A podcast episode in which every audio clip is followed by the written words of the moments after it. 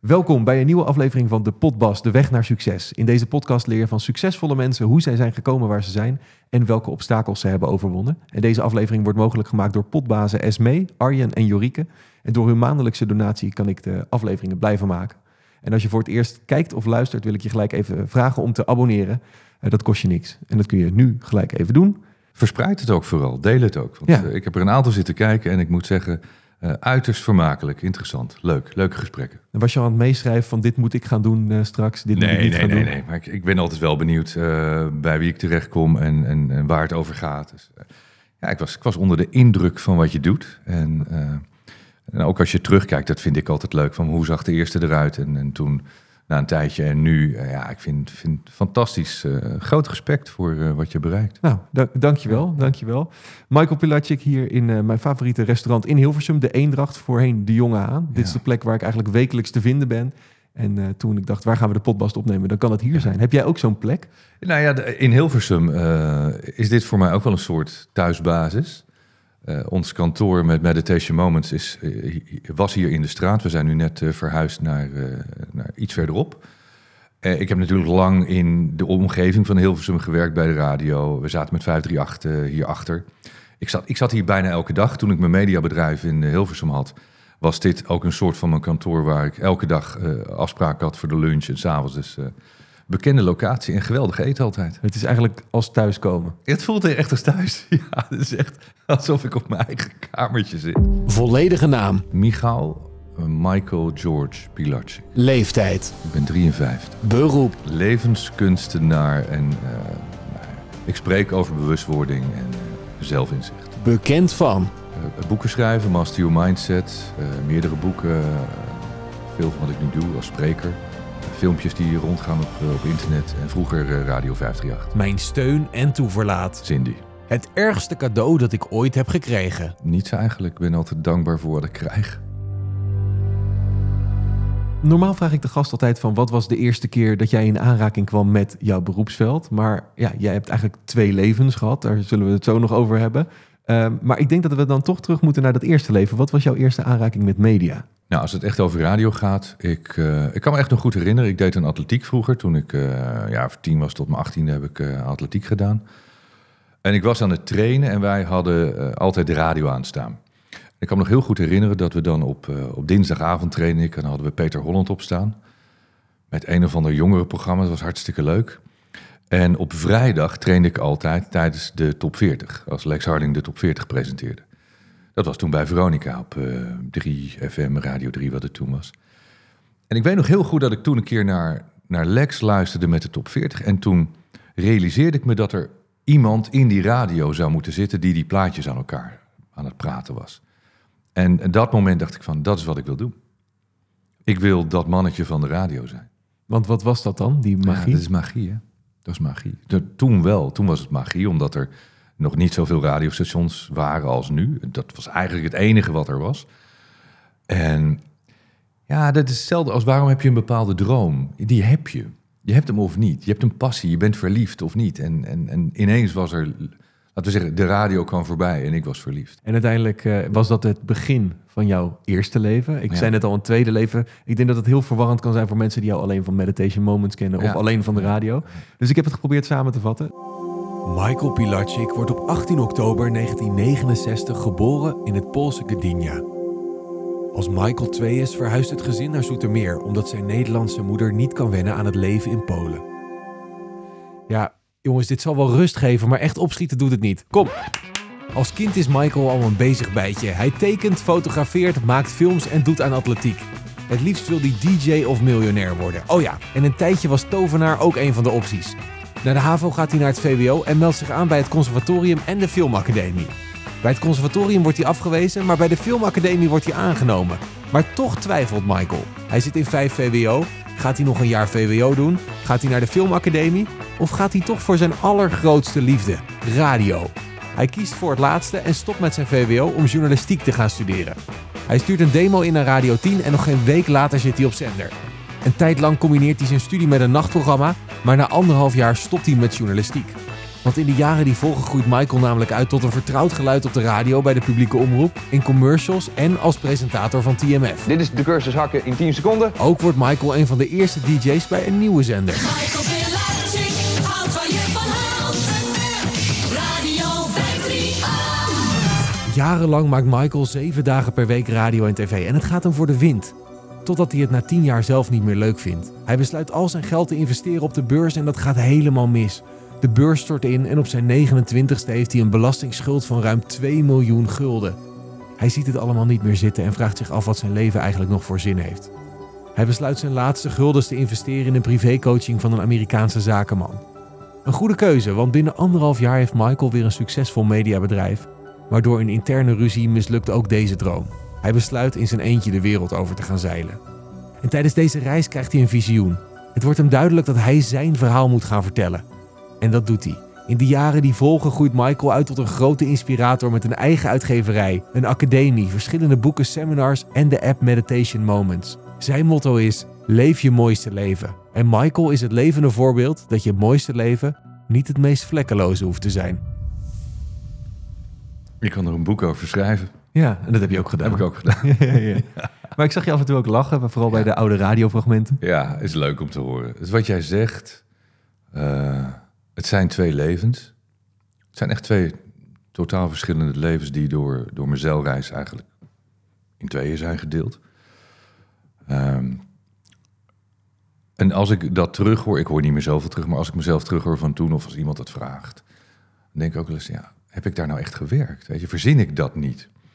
En ik zie foto's van mezelf van 538. Ik denk van ja, te gek. En dan rijd ik hier weer langs het pand. denk van ja, natuurlijk. Ik, ik besef me heel goed dat dat allemaal gespeeld heeft. Maar het voelt echt als een leven hiervoor. Dus Mis je het wel eens? nee, nooit. Nee, nee. Het, het, was, het was waanzinnig. Eh, en mensen zeggen dan ook, of, wat was dan het mooiste moment? Nou, het mooiste moment vroeger bij Veronica, toen we de volle vrijdag hadden. Met Van Inkel 's ochtends, daarna deed ik Goud van Oud, kwam Wessel, Erik deed top 40, dan eh Jeroen en Rob 's avonds. Ja, die periode was magic, die was niet te beschrijven zo, zo mooi. Maar ook de start van 538 was waanzinnig. De eerste 7, 8 jaar van 538 was, was magic. Ja. Ik had dat nooit willen missen. TMF was, was te gek. Al die artiesten ontmoeten. Het was, als ik dat nu wel eens vertel aan mensen of jongeren, dat ik al die artiesten heb geïnterviewd, dat dat mijn baan was, dan zitten me echt aan te kijken van die, die oude man is echt seniel, hè? die is dement, die, die roept rare dingen. En wat jij net eh, in de introductie ook zei, mensen die me nu kennen van, van Meditation Moments, van Mindset, van de boeken, die hebben zoiets van, heb jij bij de radio gezeten? En andersom merk je wel eens dat mensen zeggen van, ga gewoon plaatjes draaien man, weet je, daar was je goed in, en wat je nu doet. Eh, Er zit wel één, één dingetje in wat niet juist is. Jij zei een belastingsschuld van 2 miljoen. Het was niet aan de belasting, aan de bank. Een schuld eh, van 2 Ja, miljoen. ABN AMRO die, eh, die wilde toch heel graag eh 1,9 miljoen terug hebben. Ja. Terecht. Op een gegeven moment bel je de, de, de banktelefoon en je hoort, je, hebt, je staat eh 2 miljoen in de min. Ja, Hoe, hoe is dat? Nou, het- het, het was op een maandag dat ze belde. Ik, ik, voor mensen, om het een beetje een kader te geven. Ik, ik handelde in, in opties. Eh calls en puts. En dat betekent dat je ook... ehm, je kunt, laten we zeggen, iets verkopen wat je niet hebt. Je kunt een put-optie op, op de index of op aandelen kun je, kun je schrijven. Dat betekent dat je iets verkoopt wat je niet hebt. Zolang de beurs omhoog gaat, is dat geen probleem. En de bank zei, de beurs gaat alleen maar omhoog. Dat, blijft alleen maar omhoog gaan. En toen ging de beurs ineens in eh, oktober 1998 eh, niet meer omhoog, maar heel even, heel even naar beneden. Twee, drie maanden was Azië-crisis. Thaise bad die zakte en toen de roebel in Rusland. En dat was in no time in de rest van Europa en Amerika. En op maandagochtend zag ik dat, dat mijn schuldpositie, of de positie die ik had moeten betalen, die was 6 ton. Guldens praten we over, dus het valt relatief mee. Het waren geen euro's. En dinsdag was dat nog meer en donderdag was het 1,4 miljoen. En eh, maandag had de bank al gebeld van je moet even 6 ton storten. Je moet even 6 ton storten. Is dat hoe nou ja, makkelijk je, het het gaat? gaat over grote bedragen. Ja. Je handelt, eh, laten we zeggen, de ene dag verdien je 100.000 en de dag daarna kan je 100.000 verliezen. Maar over dat soort bedragen praat je dan. Eh, Toen ik handelde ging het om die bedragen. Eh, maar toen het fout ging, ga- dan gaat het exponentieel snel fout. Dus maandag 6 ton, ja, donderdag sta je 1,4 miljoen in de min. En zo'n schuldpositie kan dan relatief oneindig doorlopen totdat de termijn afloopt. Waarop de bank zei, ja, we moeten je posities gaan sluiten, want het kan morgen wel 3 miljoen zijn. En eh, kijk, zolang een, een schuld aan een bank te overzien is voor de bank, dat ze het nog wel enigszins bij jou kunnen verhalen, is het voor jou een probleem. Op het moment dat de schuld heel groot wordt, dan is het probleem van de bank, want dan kan je toch nooit meer betalen. Dus je kunt beter een enorme schuld hebben, die kunnen ze nooit bij je komen verhalen. Maar dit bedrag was nog wel op mij te verhalen. En, eh, en toen vrijdag sloten we alle posities, heeft de bank alles gesloten. En los daarvan had ik nog wat andere posities. Dus alles bij elkaar was eh, bijna eh, 2 miljoen. En ik heb het laatst uitgerekend, want in alle podcasts wordt het gevraagd. Ik, ik kwam zelfs bijna op 2,5 miljoen gulden uit, wat de totale schuldpositie was toen in 19, eind 1998. Ja. Maar je hoort dat dan op een gegeven moment. Hoe, hoe zit je daar? Want het ene moment zit je op Gouden Bergen en het volgende moment... Was ik. Ik kan me dat niet meer rationeel voorstellen hoe dat was. Ik, ik, ik, ik beleef dat vanuit mijn beleving van, van later natuurlijk. En ik heb toen overwogen om er een einde aan te maken, want het was uitzichtloos en ik had geen idee hoe ik dat geld ooit nog bij elkaar kon verdienen. Het is echt een serieus groot bedrag. Maar toch was er iets dat in me zei van, oké, weet je, ik had daarvoor ook een keer eh, een miljoen bij elkaar gespaard. Ik gaf niet veel uit, ik verdiende wel veel geld. Het moet mij lukken om in dit leven dat nog een keer bij elkaar te gaan verdienen. Alleen daarvoor was wel iets meer nodig dan een baan waar je een paar duizend euro mee verdient. Ik moest met een groot plan komen. En toen kwam ik eh, meneer Peña tegen en eh, dat was voor mij de redding. De zakenman eh, Ja, waar het over ging. Ja. Amerikaanse zakenman. Ja, want ik hoor, hoor je ook zeggen van... ehm, het hoeft voor mij eigenlijk niet meer op dat moment. Nee. Ehm, ik denk dat Nee. Veel mensen in hun carrière wel eens een moment hebben... dat ze denken van, hé, het is best wel zwart. Ik zie even geen, Ja. geen uitweg. In jouw Ja. geval was het heel erg zwart. Ja. Wat, ehm, hoe, ja, wat, hoe, hoe zou je daarmee om moeten gaan? Want moet je altijd maar vertrouwen hebben dat het goed komt? Moet je actie gaan ondernemen? Hoe, hoe- wat zou je doen? Nou, je moet wel vertrouwen hebben dat het goed komt, maar het komt niet goed als jij geen actie onderneemt. Het komt niet zomaar goed. Ik denk dat de meeste ondernemers die succesvol zijn, eh, wel een keertje op hun bek zijn gegaan. Ik ken weinig ondernemers die zakelijk en financieel succes hebben behaald zonder dat ze een keer op, op hun neus zijn gegaan, zonder dat het fout is gegaan. Bijna alle succesvolle mensen hebben behoorlijk wat tegenslagen moeten overwinnen. En doordat je fouten maakt, kun je groeien. Doordat je fouten maakt, kun je jezelf verbeteren. Daar leer je van. Dus je ziet ook mensen die succesvol eh, zijn, hebben meestal heel veel fouten gemaakt. Heel veel mensen en jongeren bereiken niks meer, omdat ze zo bang zijn om fouten te maken. Ja, sommigen beginnen niet eens. Nee. Ja, als je niet begint, kun je geen fouten maken, kun je ook niks bereiken. Ik merk het zelf ook in, ook in, de, in mijn, nou mijn mediawerk. Dat ik wel denk van oké, maar als ik nu bij wijze van spreken dit filmpje maak. Wat zullen zij er dan wel niet van denken? Of zal er dan over geluld gaan worden? Of weet je, die... eh, Maar die- wat wil je? Dat ze erover praten? Ja, dat is Of- of uiteindelijk... dat ze je alleen maar liken en leuk vinden? Nou ja, uiteindelijk wil je natuurlijk wel... Ja, ik denk die, die combinatie daartussen. Want je wil dat je iets maakt wat, eh, waarover gepraat wordt. Anderzijds is het Je ook... dat het gewaardeerd wordt. Ja. ja. Ja. Maar goed, negatieve comments zijn ook heel positief. Mensen snappen dat nooit. Eh, hoe- eh, je ziet de podcast waar heel veel negatieve kritiek op is, komt heel hoog in de rating. Want het algoritme pakt dat op. Omdat er veel engagement is. En mensen die heel veel disliken en heel veel negatieve reacties plaatsen, denken altijd dat ze daarmee jou tegenwerken. Maar ze helpen alleen maar. Het gaat om engagement. Hoe meer er opgeslagen wordt, en likes die tellen een beetje mee, maar het is vooral de reacties, de, de interactie en het opslaan, het bewaren, en het zeven. Dat zorgt dat je hoog komt. Ja, dus eigenlijk maakt het niet uit wat men zegt als ze maar reageren. Als ze maar reageren. Ja, dus het beste Ja. wat, wat je kan doen als je iets stom vindt... is om gewoon niks ermee te doen. Maar het stomme vind ik altijd dat waarom zou je aandacht richten op iets wat jij niet leuk vindt? Ja. Ik ben altijd bezig met wat ik mooi vind, wat ik leuk vind. Ik, ik, ik, richt, ik richt mijn aandacht op, op waar ik naartoe wil, niet op waar ik niet naartoe wil.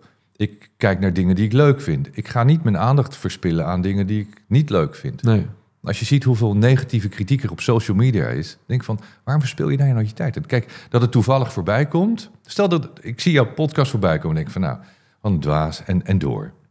Dan ga ik toch niet zo'n podcast uitkijken, zoeken waar ik kritiek op kan hebben, mijn tijd daar ook nog eens aan ga besteden om kritiek te posten. Wauw, wauw, waarom? Ja, het is ook een lekker niet. gevoel natuurlijk om boos te zijn op de wereld. Om Maar collectieve de wereld haat. is boos. Ja. De wereld is boos. ja. De wereld is boos, verdrietig, geïrriteerd.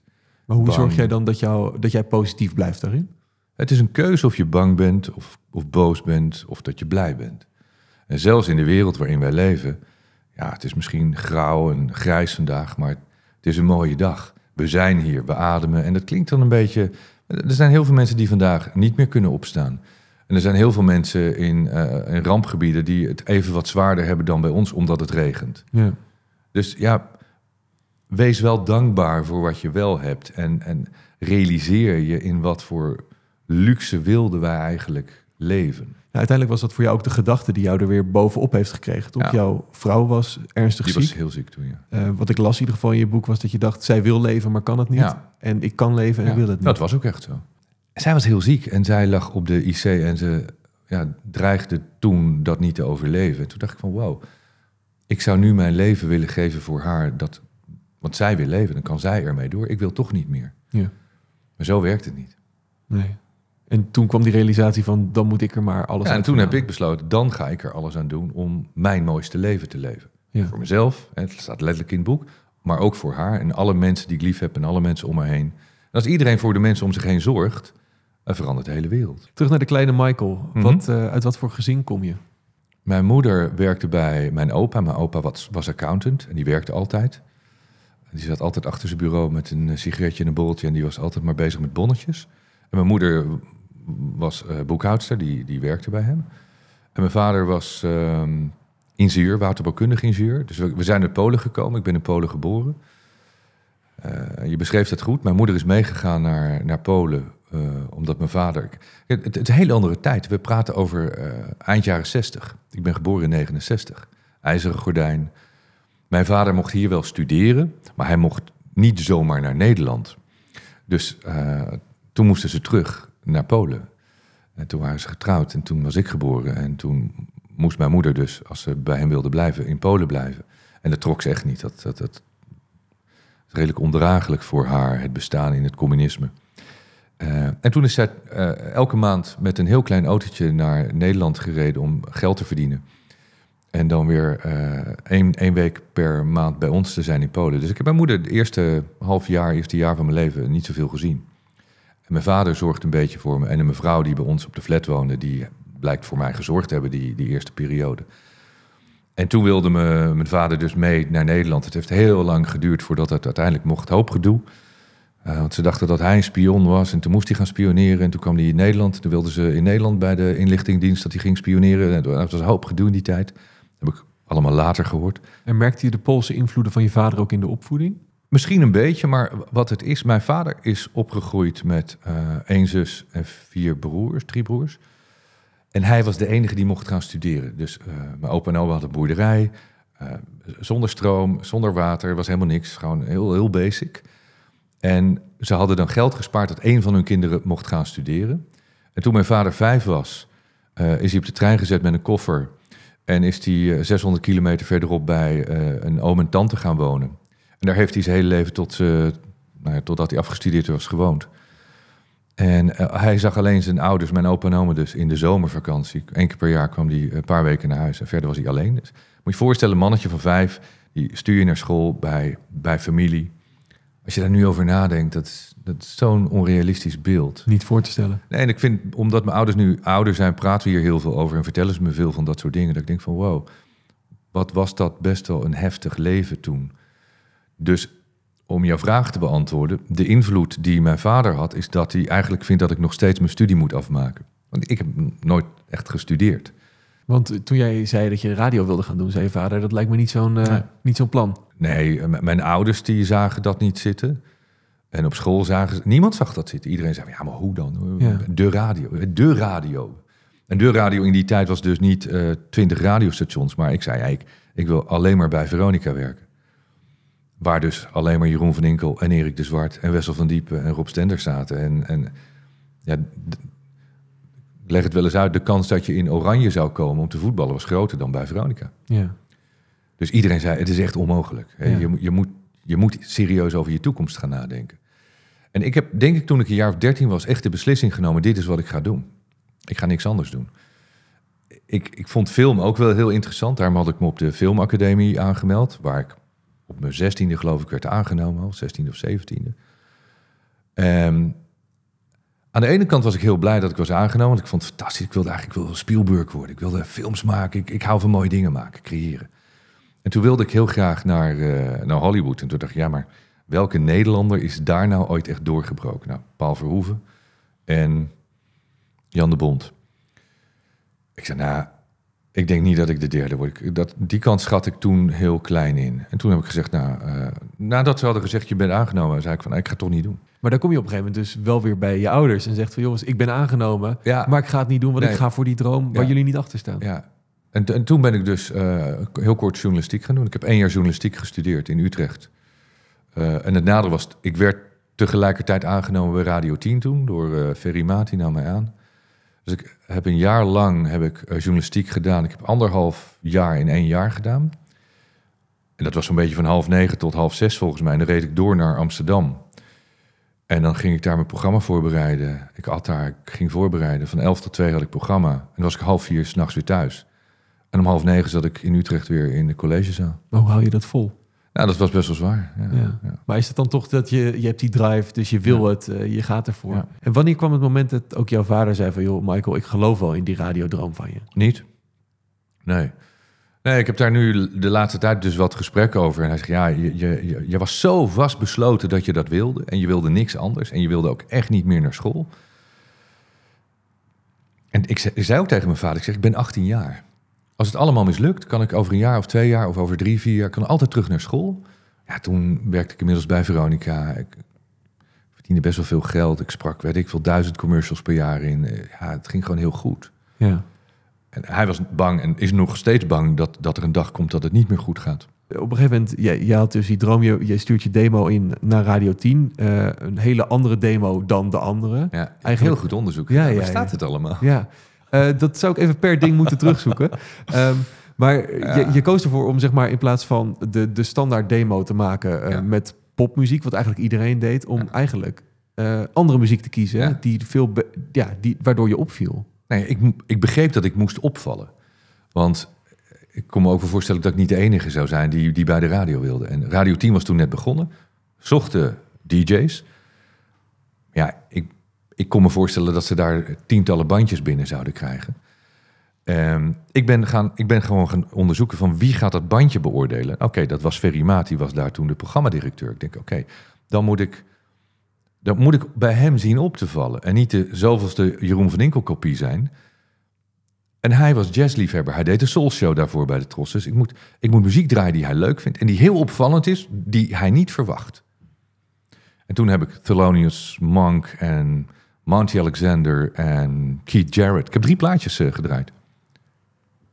Die ik zelf eigenlijk ook niet kende. Dus ik moest toen ook graven. Want er was natuurlijk geen internet. Van wie zijn die mensen en hoe zit dat? Ik heb geen idee hoe ik het in die tijd gedaan heb. Dat bandje heb ik opgestuurd. En dat is nog steeds het verhaal wat Ferry vertelt. Van ja, ik kreeg dat bandje binnen. Dat was zo afwijkend van de rest. Dus ja, we hoorden ook wel dat die, die jongen had best een oké stem. Maar ik kon niet presenteren. Het was echt heel slecht hoor. In het begin was het echt dramatisch slecht. Als je terug hoort hoe ik op de radio was in die eerste jaren...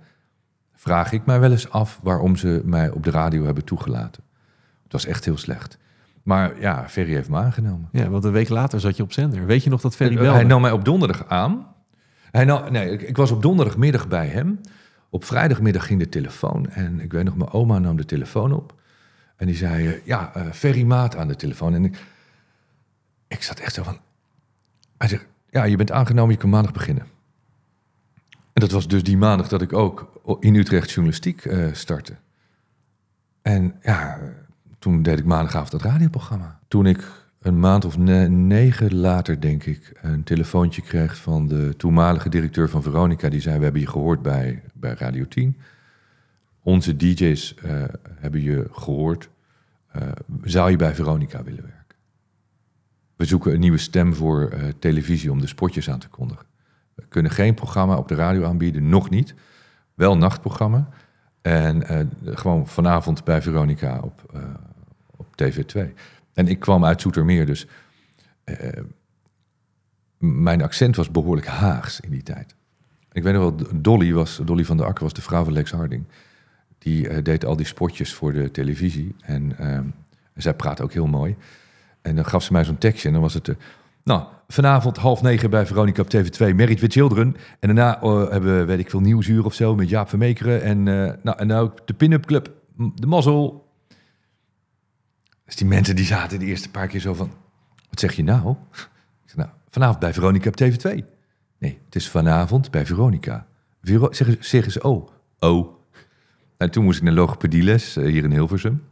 Hebben ze me twee jaar naar logopedie gestuurd. En, eh, en dat was het begin.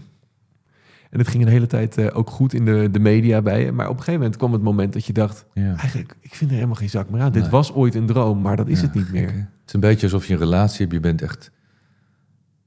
Ja, je bent zo verliefd. Dat, het is de liefde... de Radio was de liefde van mijn leven. En, eh, en op dat moment dat die liefde start... kan je je niet voorstellen dat dat eindig is. En dan word je op een dag wakker... en dan kijk je naast je en dan denk je... wat vond ik nou ooit zo leuk aan jou? Nou, dat heb je in een relatie ook wel eens. En ik had dat met de radio. En het, het, was een, een tal van factoren bij elkaar. Het was... ehm, elke dag radio maken. Ik, ik, ik heb zeven, lang zeven dagen per week radio gemaakt. Vier uur per dag, soms meer. Eh, ook nog eens twee uur per dag TMF erbij. Het was, het was veel, het was, intens. Eh, buiten die uren dat je online was eh, aan, het, aan het uitzenden. Ik maakte alle jingles per 50 heel veel promos. Ik, ik was echt 12, 14, 16 uur per dag aan het werk. En dan nog in clubs draaien, drive-in shows. En toen kwam ook de periode dat, dat eigenlijk van het meest uiterste je mocht zelf bepalen welke muziek je draaide. Wat je zei, wanneer je zei, alle gekheid. Ik had de vrijdagavondshow met Corné, we deden, we deden leuke dingen. Tot op een gegeven moment dat ja, iemand bepaalde of de computer bepaalde wat je mocht draaien, wat goed was. Wat helemaal niet zo verkeerd was, maar waar ik toen niet heel blij van werd. Eh, dat ik heel veel muziek moest gaan draaien die ik niet leuk vond. Eh, en dat ze daarna gingen zeggen wat ik wel mocht zeggen en niet meer mocht zeggen. En waar ik mocht praten en hoe lang. Toen zei ik ja, als, als er vijf keer per uur 20 seconden gesproken mag worden. dan kun je elke omroeper van dienst inhuren. Maar daar heb je mij niet voor nodig. Maar die realisatie van wat vond ik ooit zo leuk aan jou, hoe is dat om dat mee te maken? Nou, heel verdrietig. Echt heel verdrietig. Want je stort in een soort leeg gat, zwart gat. Dat je denkt van ja, mijn ideaalbeeld voor de rest van mijn leven was radio. Radio was alles. Waarschijnlijk zoals jij ook. Je bent fan. Ik, ik probeerde ieder bandje uit Amerika te krijgen. Weet je, ik was daar dag en nacht mee bezig. Dat was mijn leven. Ja. Mijn vriendinnetje kwam op plek drie. Het was radio, radio en dan mijn vriendinnetje.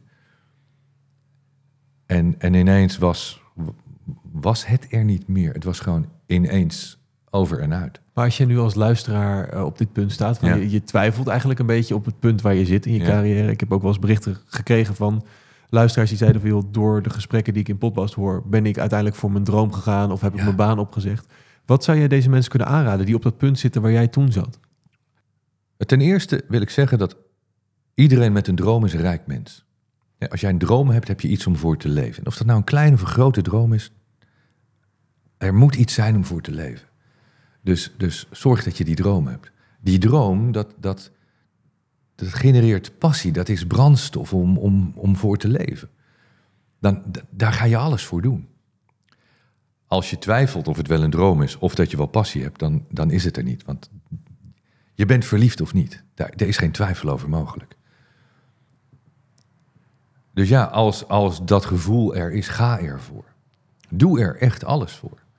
En wees niet bang. Laat je door niks en niemand tegenhouden. Maar je moet er wel heel veel voor doen en heel veel voor laten. Als dat gevoel weg is, als je zit bij je baan en denkt, ja, ik zit hier eigenlijk gewoon helemaal niet goed. Dan, dan moet je iets nieuws zoeken.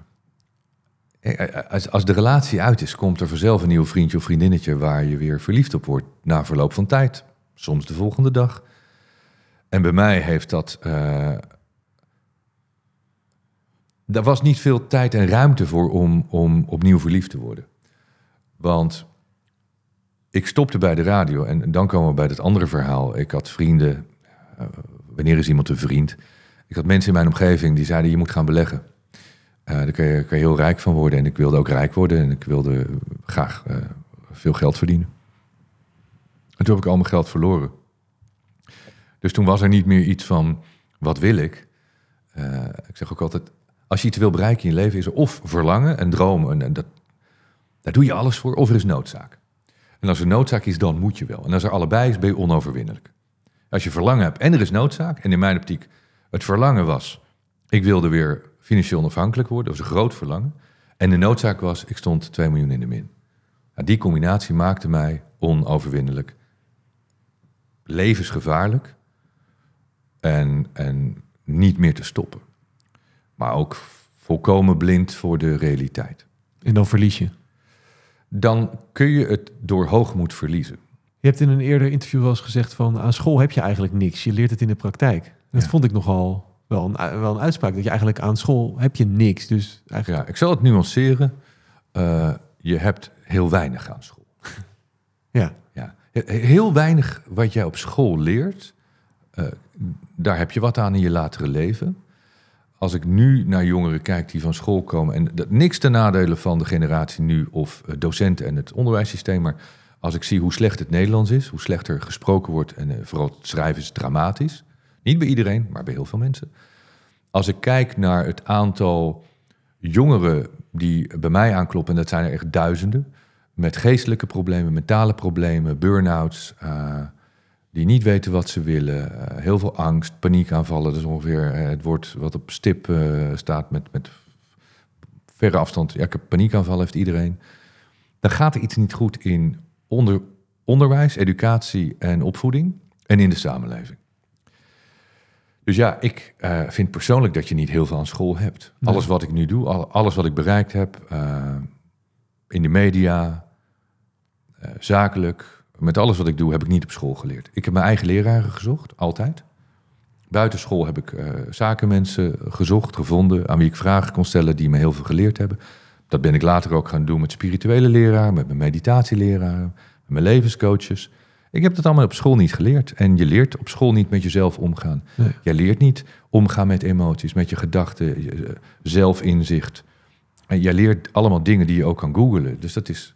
Einstein zei, denk, zou nu zeggen, dat is allemaal overbodig. Einstein zei zelf zo: alles wat in een boek staat, eh, dat hoef je niet meer op te schrijven. Dat staat er al. Alles wat er staat, hoef je niet te leren, dat kan je opzoeken. Nou, alles wat je kunt googlen, wat je kan YouTube, hoef je niet uit je hoofd te leren. Je, je moet leren leren en je moet leren denken. En dat leer je niet. Nee, dus je zou veel meer de tools moeten krijgen om te leven in Ja. plaats van... Je, je moet, als je zegt, we hebben het over basisonderwijs, moet je mensen leren omgaan met elkaar. Je moet met jezelf, dat is het voornaamste. En, en vervolgens, als wij beter worden in onze communicatie, in onze omgang, toleranter worden, verdraagzamer worden, dan creëren we een andere samenleving. Je had het net over leermeesters. Hoe ki- kies je een goede leermeester? Dat hangt er vanaf wat je wil leren. Ja. Ja, toen ik eh, over meditatie wilde leren, ben ik, ben ik spirituele leraren gaan zoeken. Rajri Patel, eh, een, een monnik uit, eh, uit Tibet, eh, heeft me lang les gegeven. Zakelijk heb ik ondernemers gezocht die daar verstand van hadden. Toen ik bij de radio wilde werken, heb ik heel veel geleerd van mensen die ik je genoemd heb. Ja. Dus ja, waar wil je wat van leren? Dus het is vooral kijken naar wie kijk ik op en vragen, kun je mij wat leren? Nou, opkijken tegen iemand is meer, dat is een hero. Wat goed is, hè? Maar je moet voorbeelden hebben. Dus kies goede voorbeelden. Jij zal ook voorbeelden hebben. Elke artiest heeft voorbeelden, elke eh, atleet, elke eh, sporter heeft voorbeelden.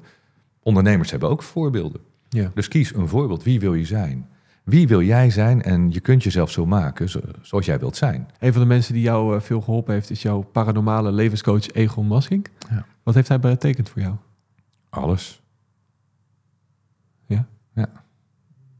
Ja. Ik had hem net nog aan de lijn en toen vroeg hij mij net onderweg hier naartoe. Toen zei hij, hoe lang kennen we elkaar?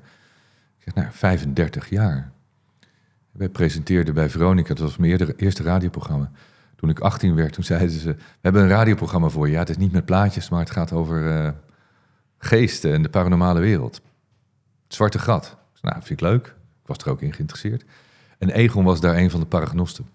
En toen heb ik Egon eh, leren kennen. Hij heeft eh, een boodschap voor je. Ach nee, Hoi Michael, we kennen elkaar ontzettend lang. En altijd met heel veel plezier kijk ik ernaar terug.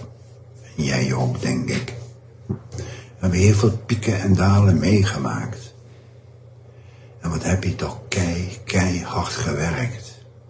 Met diepe bewondering voor je, wat je doet. En nog wat je ook achter de schermen doet, Michael. Je blijft doorgaan. Blijf in ieder geval jouw eigen weg bewandelen en daar zit je goed mee. Je weet, ik ben daar altijd voor je. Heel veel lies en ik houd van je. Vanuit mijn hart. Bye bye. Nou, dat is heel bijzonder. Ah, hoe kom je nou aan zijn nummer, joh? Hij neemt nooit op. Wat raak je zo? Ja.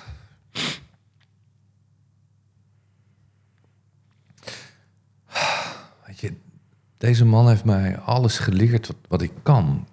Niet iedereen weet wat ik kan en ik heb het daar ook niet heel vaak over. Eén, hij hij heeft me door alle moeilijke tijden in mijn leven eh, gesleept. Hij heeft me echt door de diepste dalen heen geholpen. Oh. Hij heeft me jarenlang gecoacht en elke week dezelfde vragen gesteld waar ik geen antwoord op had. En eh, laat ik zeggen, ik heb best wel een hoop gedoe gehad in mijn leven, zakelijk en, en, privé. En dat kwam ook door mijzelf natuurlijk. Ik heb veel fouten gemaakt. Achteraf ook heel veel spijt van gehad, van dingen die ik verkeerd had gedaan. Maar toen ik mijn, mijn puin had geruimd in periode 2010-11, toen ik ben gaan zeilen, eigenlijk die periode heb ik het echt allemaal in zee gegooid. Toen in 2011 heb ik hem echt de vraag gesteld: kan jij mij eh, alles leren wat jij kan? En dat heeft hij sindsdien gedaan. Ja. Dus ik zou wat ik nu doe nooit gekund hebben zonder hem. Nee. En hoe ik mensen voor de schermen en achter de schermen help, dat, dat kan ik dankzij hem. Ja. Iemand die in jou geloofd heeft vanaf het begin. Daar heb je helemaal gelijk in. Hij was, zover als ik mij kan herinneren, de enige die echt direct vanaf dat moment in mij heeft geloofd. En mijn oma, mijn oma geloofde altijd onvoorwaardelijk in me.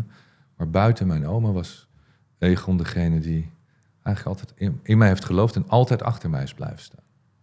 Hoe belangrijk zijn zulke mensen voor je? Nou ja, zonder Egon had ik niet kunnen zijn wie ik ben.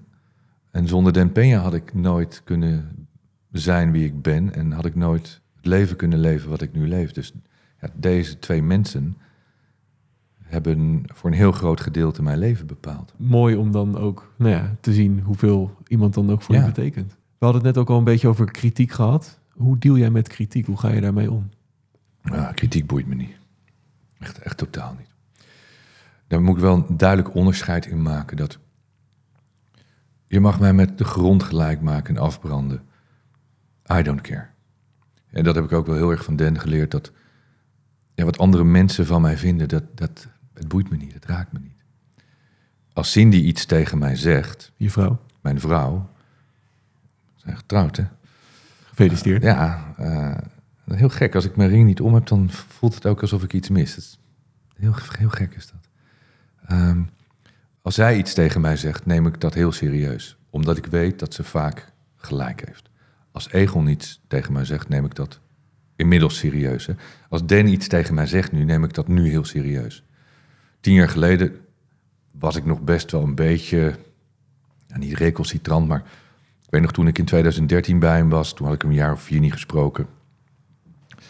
En toen zei ik ook, joh Dan, weet je wel, ik zie dit anders, ik ga dat zo doen. En toen zei hij, je blijft gewoon stront eigenwijs. Alles wat ik je heb geleerd, alles wat ik je heb verteld, daar heb ik gelijk in gekregen. En eh, heb je aangetoond dat, dat jij geen gelijk had. Dus waarom leer je nou niet eens luisteren? Nou, dat heb ik daarvan geleerd, dat wel beter ben gaan luisteren. Ja. Ehm, dus ik luister naar Dan. En er zijn nog een paar goede vrienden om mij heen. Ik heb twee, twee hele goede vrienden, die, daar luister ik echt wel naar. Maar als iemand wat over je zegt, of zeker oké. met het begin van je tweede leven. Oh ja, eh, oh, dat was best wel pittig. Ja, men, eh, wat, Ja. wat je er straks ook al zei, van kun je niet gewoon plaatjes gaan draaien? Ja. En eh, wie zit er nou te Maar wachten dat, op een dat boek vind van ik jou? echt niet erg. Hè? Weet je wat? Alleen, dat wilde ik zeggen. Kritiek is niet erg. Maar als mensen onterechte, onjuiste onwaarheden gaan vertellen. hè, De, de, de, eh, charlatan, zakkenvuller, oplichter.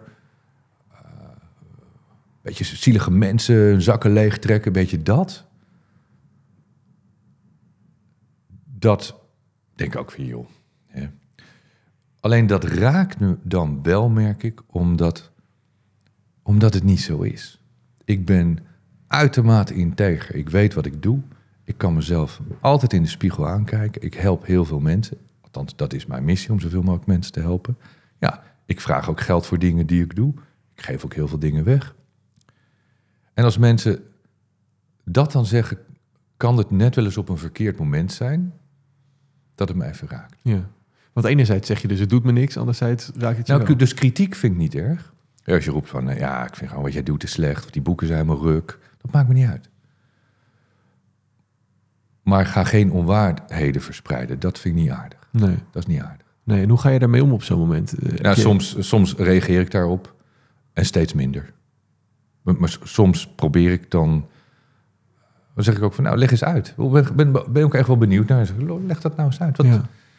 wat, waar zit je nou mee? Wat is het probleem? Meestal komen mensen dan ook niet verder dan eh, ja, allerlei dingen die je hier niet wil herhalen. Maar ja, dat is, dat is de tijd waarin we leven. Nou, dat is wel een van de manieren hoe ik het voor mezelf heb aangeleerd. Met kritiek en met complimenten. Is altijd te vragen, maar waarom dan? Ja, waarom Wat- dan?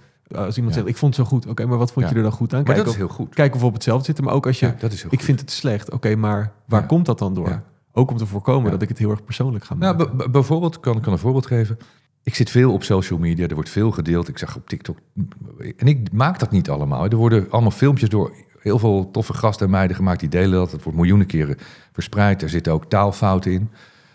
En dan zie je daaronder heel veel reacties. Haha, weet je, hij heeft het altijd over Nederlands. Moet, het staat vol met fouten. Maar ik heb dit niet gemaakt. Het is niet mijn filmpje. Ik ben niet de afzender.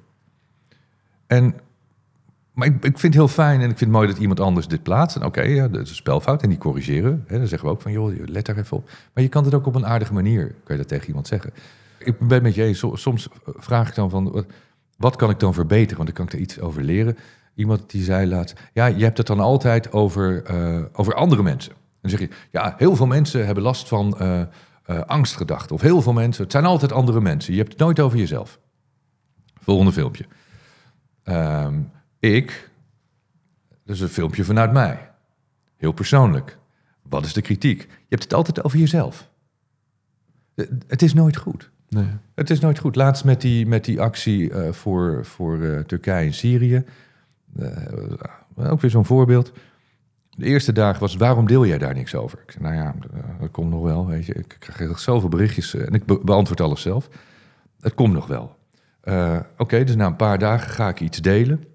Eh want Ruud de Wild, die was, was voor, voor de actie voor Giro 555 eh, naar eh, Turkije gegaan, voor Oldje. Ik deel dat. Nou, de bak ellende die ik over mij heen krijg, dat ik dat gedeeld heb. En of ik wel weet hoe slecht Giro 555 is. Ik heb er ook mijn twijfels bij, ja. Vervolgens is het, ja, geef jij wel. En denk ik van, nou, weet je wat? Ik ga nou, ik doe dat nooit. Want ik vind altijd, je gaat niet, je gaat dat soort dingen niet melden hoeveel je geeft en zo. Want wij geven heel veel en dat, dat hoeft niemand te weten.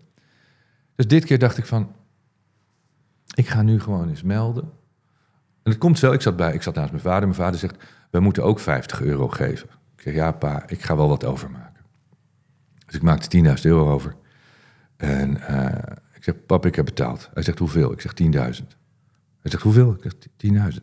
Zegt nee, je moest 50 doen. Ja, dat is belachelijk zoveel geld. Ik zeg, maar ik kan het, ik kan het missen. En ik, ik heb echt zitten janken bij de beelden. En vooral de beelden van allerlei beesten en schapen die, die onder het puin lagen. Dat ik dacht van, holy fuck, weet je.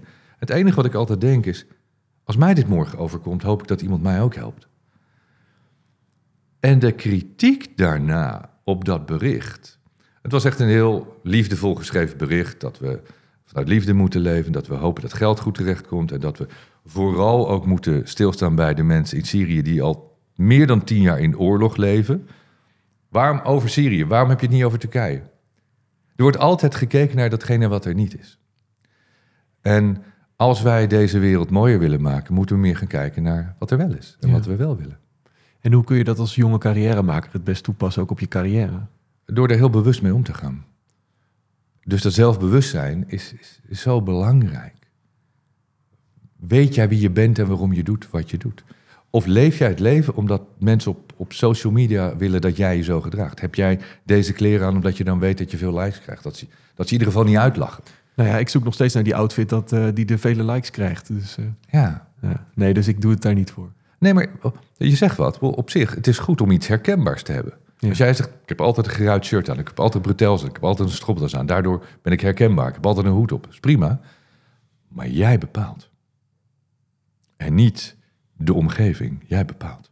Deze podcast, ik heb het al zoals eh, gezegd, ik maak deze zelf en dat doe ik eigenlijk zonder steun van een groot bedrijf erachter. Eh, daarom wil ik je ook eh, vragen, als je deze podcast nu luistert, je geniet ervan, word potbaas of doneer eenmalig. Dat kan via petjeaf.com slash potbast. Als potbaas krijg je als eerste te horen wie de nieuwe gast wordt. Dus deze mensen wisten al een tijdje dat jij hier vandaag zou zijn. Je mag ook een vraag insturen en tijdens de, de opnames kun je ook achter de schermen meekijken. Ja, via de speciale Instagram groep. Dus bij deze opname zag je dus, het is lekker druk hier op de weg Ja, het is vreselijk druk. Ja. Dus bij deze opname zag je al hoe we deze hele kamer hebben verbouwd om het eh, voor eh, de uitzending zo mooi mogelijk te krijgen. Deze aflevering wordt mogelijk gemaakt door de steun van onder andere potbazen Esmee, Arjen en Jorike. Ehm, en er zijn er ook nog een paar die hebben een vraag aan jou gesteld. De eerste vraag die eh, komt van Yoshi. Hey Michael, Josje hier. Ik eh, mediteer al een tijdje met een Meditation Moments app. Vind ik heel fijn te doen. Alleen ik ben nog heel erg in wat voor mij eh, werkt en wat niet. En daarom ben ik benieuwd eh, ja, hoe jouw eh, ideale meditatiesessie eruit ziet. Misschien haal ik daar inspiratie uit. Dankjewel voor je vraag. Yoshi, hoe ziet mijn meest ideale meditatie eruit? Dat is heel persoonlijk. Het hangt af van je staat van zijn, waar je het voor nodig hebt. Wil je rust of wil je juist concentratie? Wil je focus? Maar heb je bijvoorbeeld vanmorgen gemediteerd voor dit gesprek? Ja, ik mediteer eh, altijd, twee keer per dag. Alleen nooit zo, en ik ga ook niet in zo'n houding zitten. Ik zit gewoon zo op een stoel. En soms zelfs met een kopje koffie erbij. Eh, wij wonen heel mooi, dus bij ons is het, eh, we wonen redelijk eh, afgelegen in de natuur. Dus wat ik altijd doe is, ik ga buiten in de tuin zitten en dan maak ik connectie met, met de tuin, met de bomen, met de natuur. En dan ga ik gewoon 10 minuten, 20 minuten niks doen. Ja. Gewoon zijn, echt zijn. Dus dan denk ik ook niet. En dan ben ik gewoon, kijk om me heen, doe mijn ogen dicht. Als je je ogen dicht doet, kom je in een andere dimensie terecht, andere energetische staat van zijn. En dan kies je wat je wil, tot rust komen, of je kiest juist voor kracht of voor focus. En ehm, ja, ik doe dat 's ochtends altijd voordat ik mijn dag begin. En daarna neem ik ook eventjes door van, oké, wat ga ik allemaal doen vandaag? Oké, dan heb ik eigenlijk een soort generale repetitie van de dag. Soms visualiseer ik dat heel erg. En, ehm, en soms doe ik lange meditaties om echt gewoon ja, te relaxen. Ja. Een half uur, een uur. Maar hoe doe je dat in een tijd die zeg maar vol met prikkels is? Dus je hebt de telefoon, de, de, de, de, overal zijn prikkels, eh, beelden. Eh, ik vind dat heel moeilijk om dan op zo'n moment te gaan zitten en te denken... Hey, Ja, maar je hoeft niet op te nemen. Je hoeft niet te kijken. Nee, maar dat is makkelijk gezegd natuurlijk. Maar ik merk zelf ook als ik hem niet bij me heb, dan... ja, maar dat is trainen. Ja. Dat is trainen. En hoe doe je dat? Nou, door niet de hele dag op je telefoon te kijken. Ja, het mooie is, ik, ik, ik, kreeg een keer les van Davi J. En dat is de, de, de hoofdmeditatieleraar bij het Chopra Center van Deepak. Deepak Chopra. En toen zei hij, Mike, je telefoon, als je die op stil zet, dan komen er nog steeds belletjes binnen en berichten binnen. Dus jouw gedachten komen binnen, maar je hoeft er niet op te reageren. Maar wat wij doen is de hele dag, als die gedachte komt, denk je, oh ja, oh ja, als dit gebeurt, ga ik dat doen. En hier ben ik het niet mee eens. En je gaat in die boze. Het zijn meestal boze gedachten. Het is, het is zelden dat je denkt van, oh, wat gezellig. Oh, straks komt Bas, weet je. En oh, dan gaan we leuke dingen doen. Dat, dat gebeurt niet vaak. Het zijn meestal vervelende gedachten. Je moet jezelf aanleren, trainen door bewust te zijn van wat voor gedachten heb ik. Oh, het zijn geen leuke gedachten, daar wil ik vanaf. Nou, als je gaat denken, ik wil van die gedachte af, gaat niet werken. Dat is ook weer negatief. Dus het enige wat je kan doen, is de ruimte vullen met iets anders. Als dit glas vol is, met in dit geval, eh, nu is hij half vol, maar als er water in zit en ik zeg, ja, dat water, dat vind ik niks, moet ik net zo lang thee gaan schenken totdat al het water weg is. Wanneer ik voldoende thee heb ingeschonken, is al het water eruit. Laten we zeggen, het water is het negatieve, in dit geval de thee is het positieve. Dus ik moet voldoende nieuwe gedachten toevoegen om datgene wat ik niet wil hebben te laten verdwijnen. Hi Michael, ik ben Rico van der Tak en in 2018 op 20-jarige leeftijd kwam ik bij jou tijdens de Roadmap to Success and Happiness. Jij liet mij horen wat ik op dat moment nodig had om over de streep heen getrokken te worden. Vijf jaar later, na gestopt te zijn met mijn studie en mijn eigen weg te hebben gevonden, run ik mijn eigen zaak 13 Personal Coaching, waar ik vanaf dag 1 vanwege succes al een wachtlijst opbouw. Allereerst dank je wel hiervoor. En ten tweede leidt mij dit tot de vraag die ik je wil stellen. Hoe heb jij omringd met de juiste mensen om je heen die samen met jou jouw pad en missie volgen? Goh, mooi. hè, Zo ver- ben, ik zo blij met als ik dit soort dingen hoor. Oh Ja, een beetje trots ook. Ik van wauw. Hoe omring je jezelf met de juiste mensen? Door eh, in te gaan zien wie niet de juiste mensen voor je zijn. Ik, ik heb daar inmiddels wel wat meer oog voor gekregen, maar ik had een talent om altijd de verkeerde mensen om me heen te verzamelen. Dus in de periode laten we zeggen, tussen, nou ja, toen ik jong was, was ik daar redelijk naïef in. Tot best wel lang hoor. Tot, een beetje wel tegen mijn veertigste aan had ik echt een talent om altijd in zaken te stappen met mensen die me oplichten. Dus er was een bepaald patroon. Ja, mensen nu met mij zo'n patroon doornemen, zeggen ze connecting your dots. Jij keek altijd op tegen zakenmensen, succesvolle mensen, die jou altijd benaderd hebben, die je altijd opgelicht hebben. En jij liet dat toe en je had het niet in de gaten. Want je was zo blind voor dat succes van die mensen, het hero, ze waren mijn heroes, dat ze me daardoor heel makkelijk eh, in het ootje konden nemen. En mijn geld afhandig hebben gemaakt uiteindelijk omdat ik dom was. Het was mijn schuld, maar ik heb daarvan geleerd. Waren niet de juiste mensen. Maar het heeft lang geduurd voordat ik dat inzicht kreeg.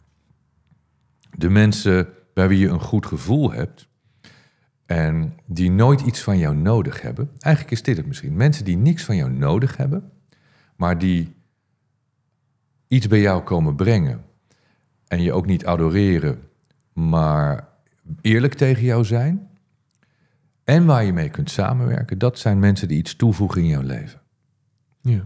Mensen die eerlijk zijn, die jou niet afbranden met negatieve kritiek, maar kunnen zeggen: dit zou jij beter kunnen doen. Je doet heel veel dingen goed, maar er zijn een paar dingen die je kan verbeteren. Dat is anders dan dat je zegt van, waarom doe je dat nou zo? Nee, en het is zeker ook, denk ik, voor mensen die een passie hebben, zoals Rico, Ja. zoals jij, zoals ik. eh, dat je op een gegeven moment dus ook mensen hebt waarvan je zegt: hé, hey, eh, wij waren vroeger heel leuk met elkaar. Ja. Eh, ik heb dit gehad toen ik hier in Hilversum ging werken bij de radio. Dat op een gegeven moment een vriendin van de middelbare school zei: van ja, sinds jij bij die radio zit, ben je zo, je hebt nooit meer tijd voor me, arrogant, alleen maar met jezelf bezig. Maar wat zegt ze nou eigenlijk? Eigenlijk zegt zij, ik wil heel graag bij jou zijn. Ja. Ik vind het jammer dat jij minder aandacht aan mij besteedt. Misschien zegt zij wel, ben ik dan niet goed genoeg voor jou? Alleen, als je niet op die manier kan luisteren, denk jij van, Jezus, hou eens op, zeg. Hey, dit is wat ik leuk vind, dit is wat ik wil doen. Eh, laat me met rust. Waardoor je nog meer afstand neemt en zij denkt van, die Bastiaan was vroeger zo aardig. Wat ben jij nou? Zie je dat Hilversum alleen maar arrogante, vervelende mensen daar? En dan komt er een oordeel. Iedereen in de media, iedereen in Hilversum. Zo groeien dat soort oordelen. Terwijl jij bent gewoon met je ding bezig waar je van houdt. Ja. Maar hoe kun je dan je, toch je focus houden? Want eh, je wil niet geremd worden door iemand, maar je wil ook iemand niet laten vallen. Nee, door dat uit te leggen. En als jij uitlegt van ja, maar dit is mijn. Ik, ik vind jou superleuk, ik hou van je. Maar ik, dit is ook mijn passie. Ik wil hier heel veel tijd aan besteden. En het is misschien ook wel een spiegelmoment dat je denkt van ja, misschien besteed ik wel te weinig aandacht aan die persoon. Misschien moet ik wel meer aandacht aan die persoon besteden. Ik, ik heb deze spiegel achteraf van mijn vrienden eh, heel erg op mijn neus gedrukt gekregen. Die zeiden, Mike, jij had nooit tijd voor ons. Nooit. Tot een jaar of twee, drie geleden kwam ik nooit op verjaardagen. Van mijn beste vrienden niet. Je was altijd met jezelf bezig. Je was bezig met, met de radio, met je bedrijven, met je shit oplossen. Maar nooit is eh, met ons. Ik zie mijn vrienden ook niet veel. Ik heb wel hele goede vrienden, een paar, niet heel veel. Eh, maar die hebben mij dat verteld. Ik dacht van, wow, ik heb dat nooit zo gezien. Ik heb dat nooit expres gedaan. Dus wellicht zie jij het niet. En is dat moment dat iemand dat tegen jou zegt, is dat een moment van inzicht? Dat je zou kunnen zeggen, hey, misschien heeft ze gelijk. Niet direct in de weerstand gaan. Stel de jonge Michael eh, in het winkelcentrum, die komt jou tegen. Hij is die commercials aan het verkopen Ja. en hij vraagt... eh, grote Michael, hoe word ik zo succesvol als jij? Wat zou je hem zeggen? Ja, als je één advies zou mogen geven, dan, dan is het volg je hart, leef je droom en laat je door niets en niemand tegenhouden. Mooie woorden, Michael. Dankjewel. Dankjewel voor je tijd. Hey, Bastiaan nog even hier. Dank voor het luisteren naar deze aflevering van de Potbas met Michael Pilarczyk. Ik hoop dat je er erg van genoten hebt. En als dat zo is, abonneer je dan gelijk even op de Potbas. Het kost jou niks, maar het helpt mij enorm. En ook leuk, we mogen namens Michael twee tickets weggeven voor zijn Maximum Potential event in juni in Den Bosch. Wat moet je daarvoor doen? Ga naar de YouTube-versie van dit gesprek en Laat dan in de reacties weten welk inzicht je misschien uit deze podcast hebt gehaald, wat je ervan hebt geleerd. Of hoe jij op jouw manier jouw mooiste leven gaat leven. We geven twee Platinum VIP-tickets weg voor Maximum Potential. heel veel succes en wie weet zien we elkaar daar.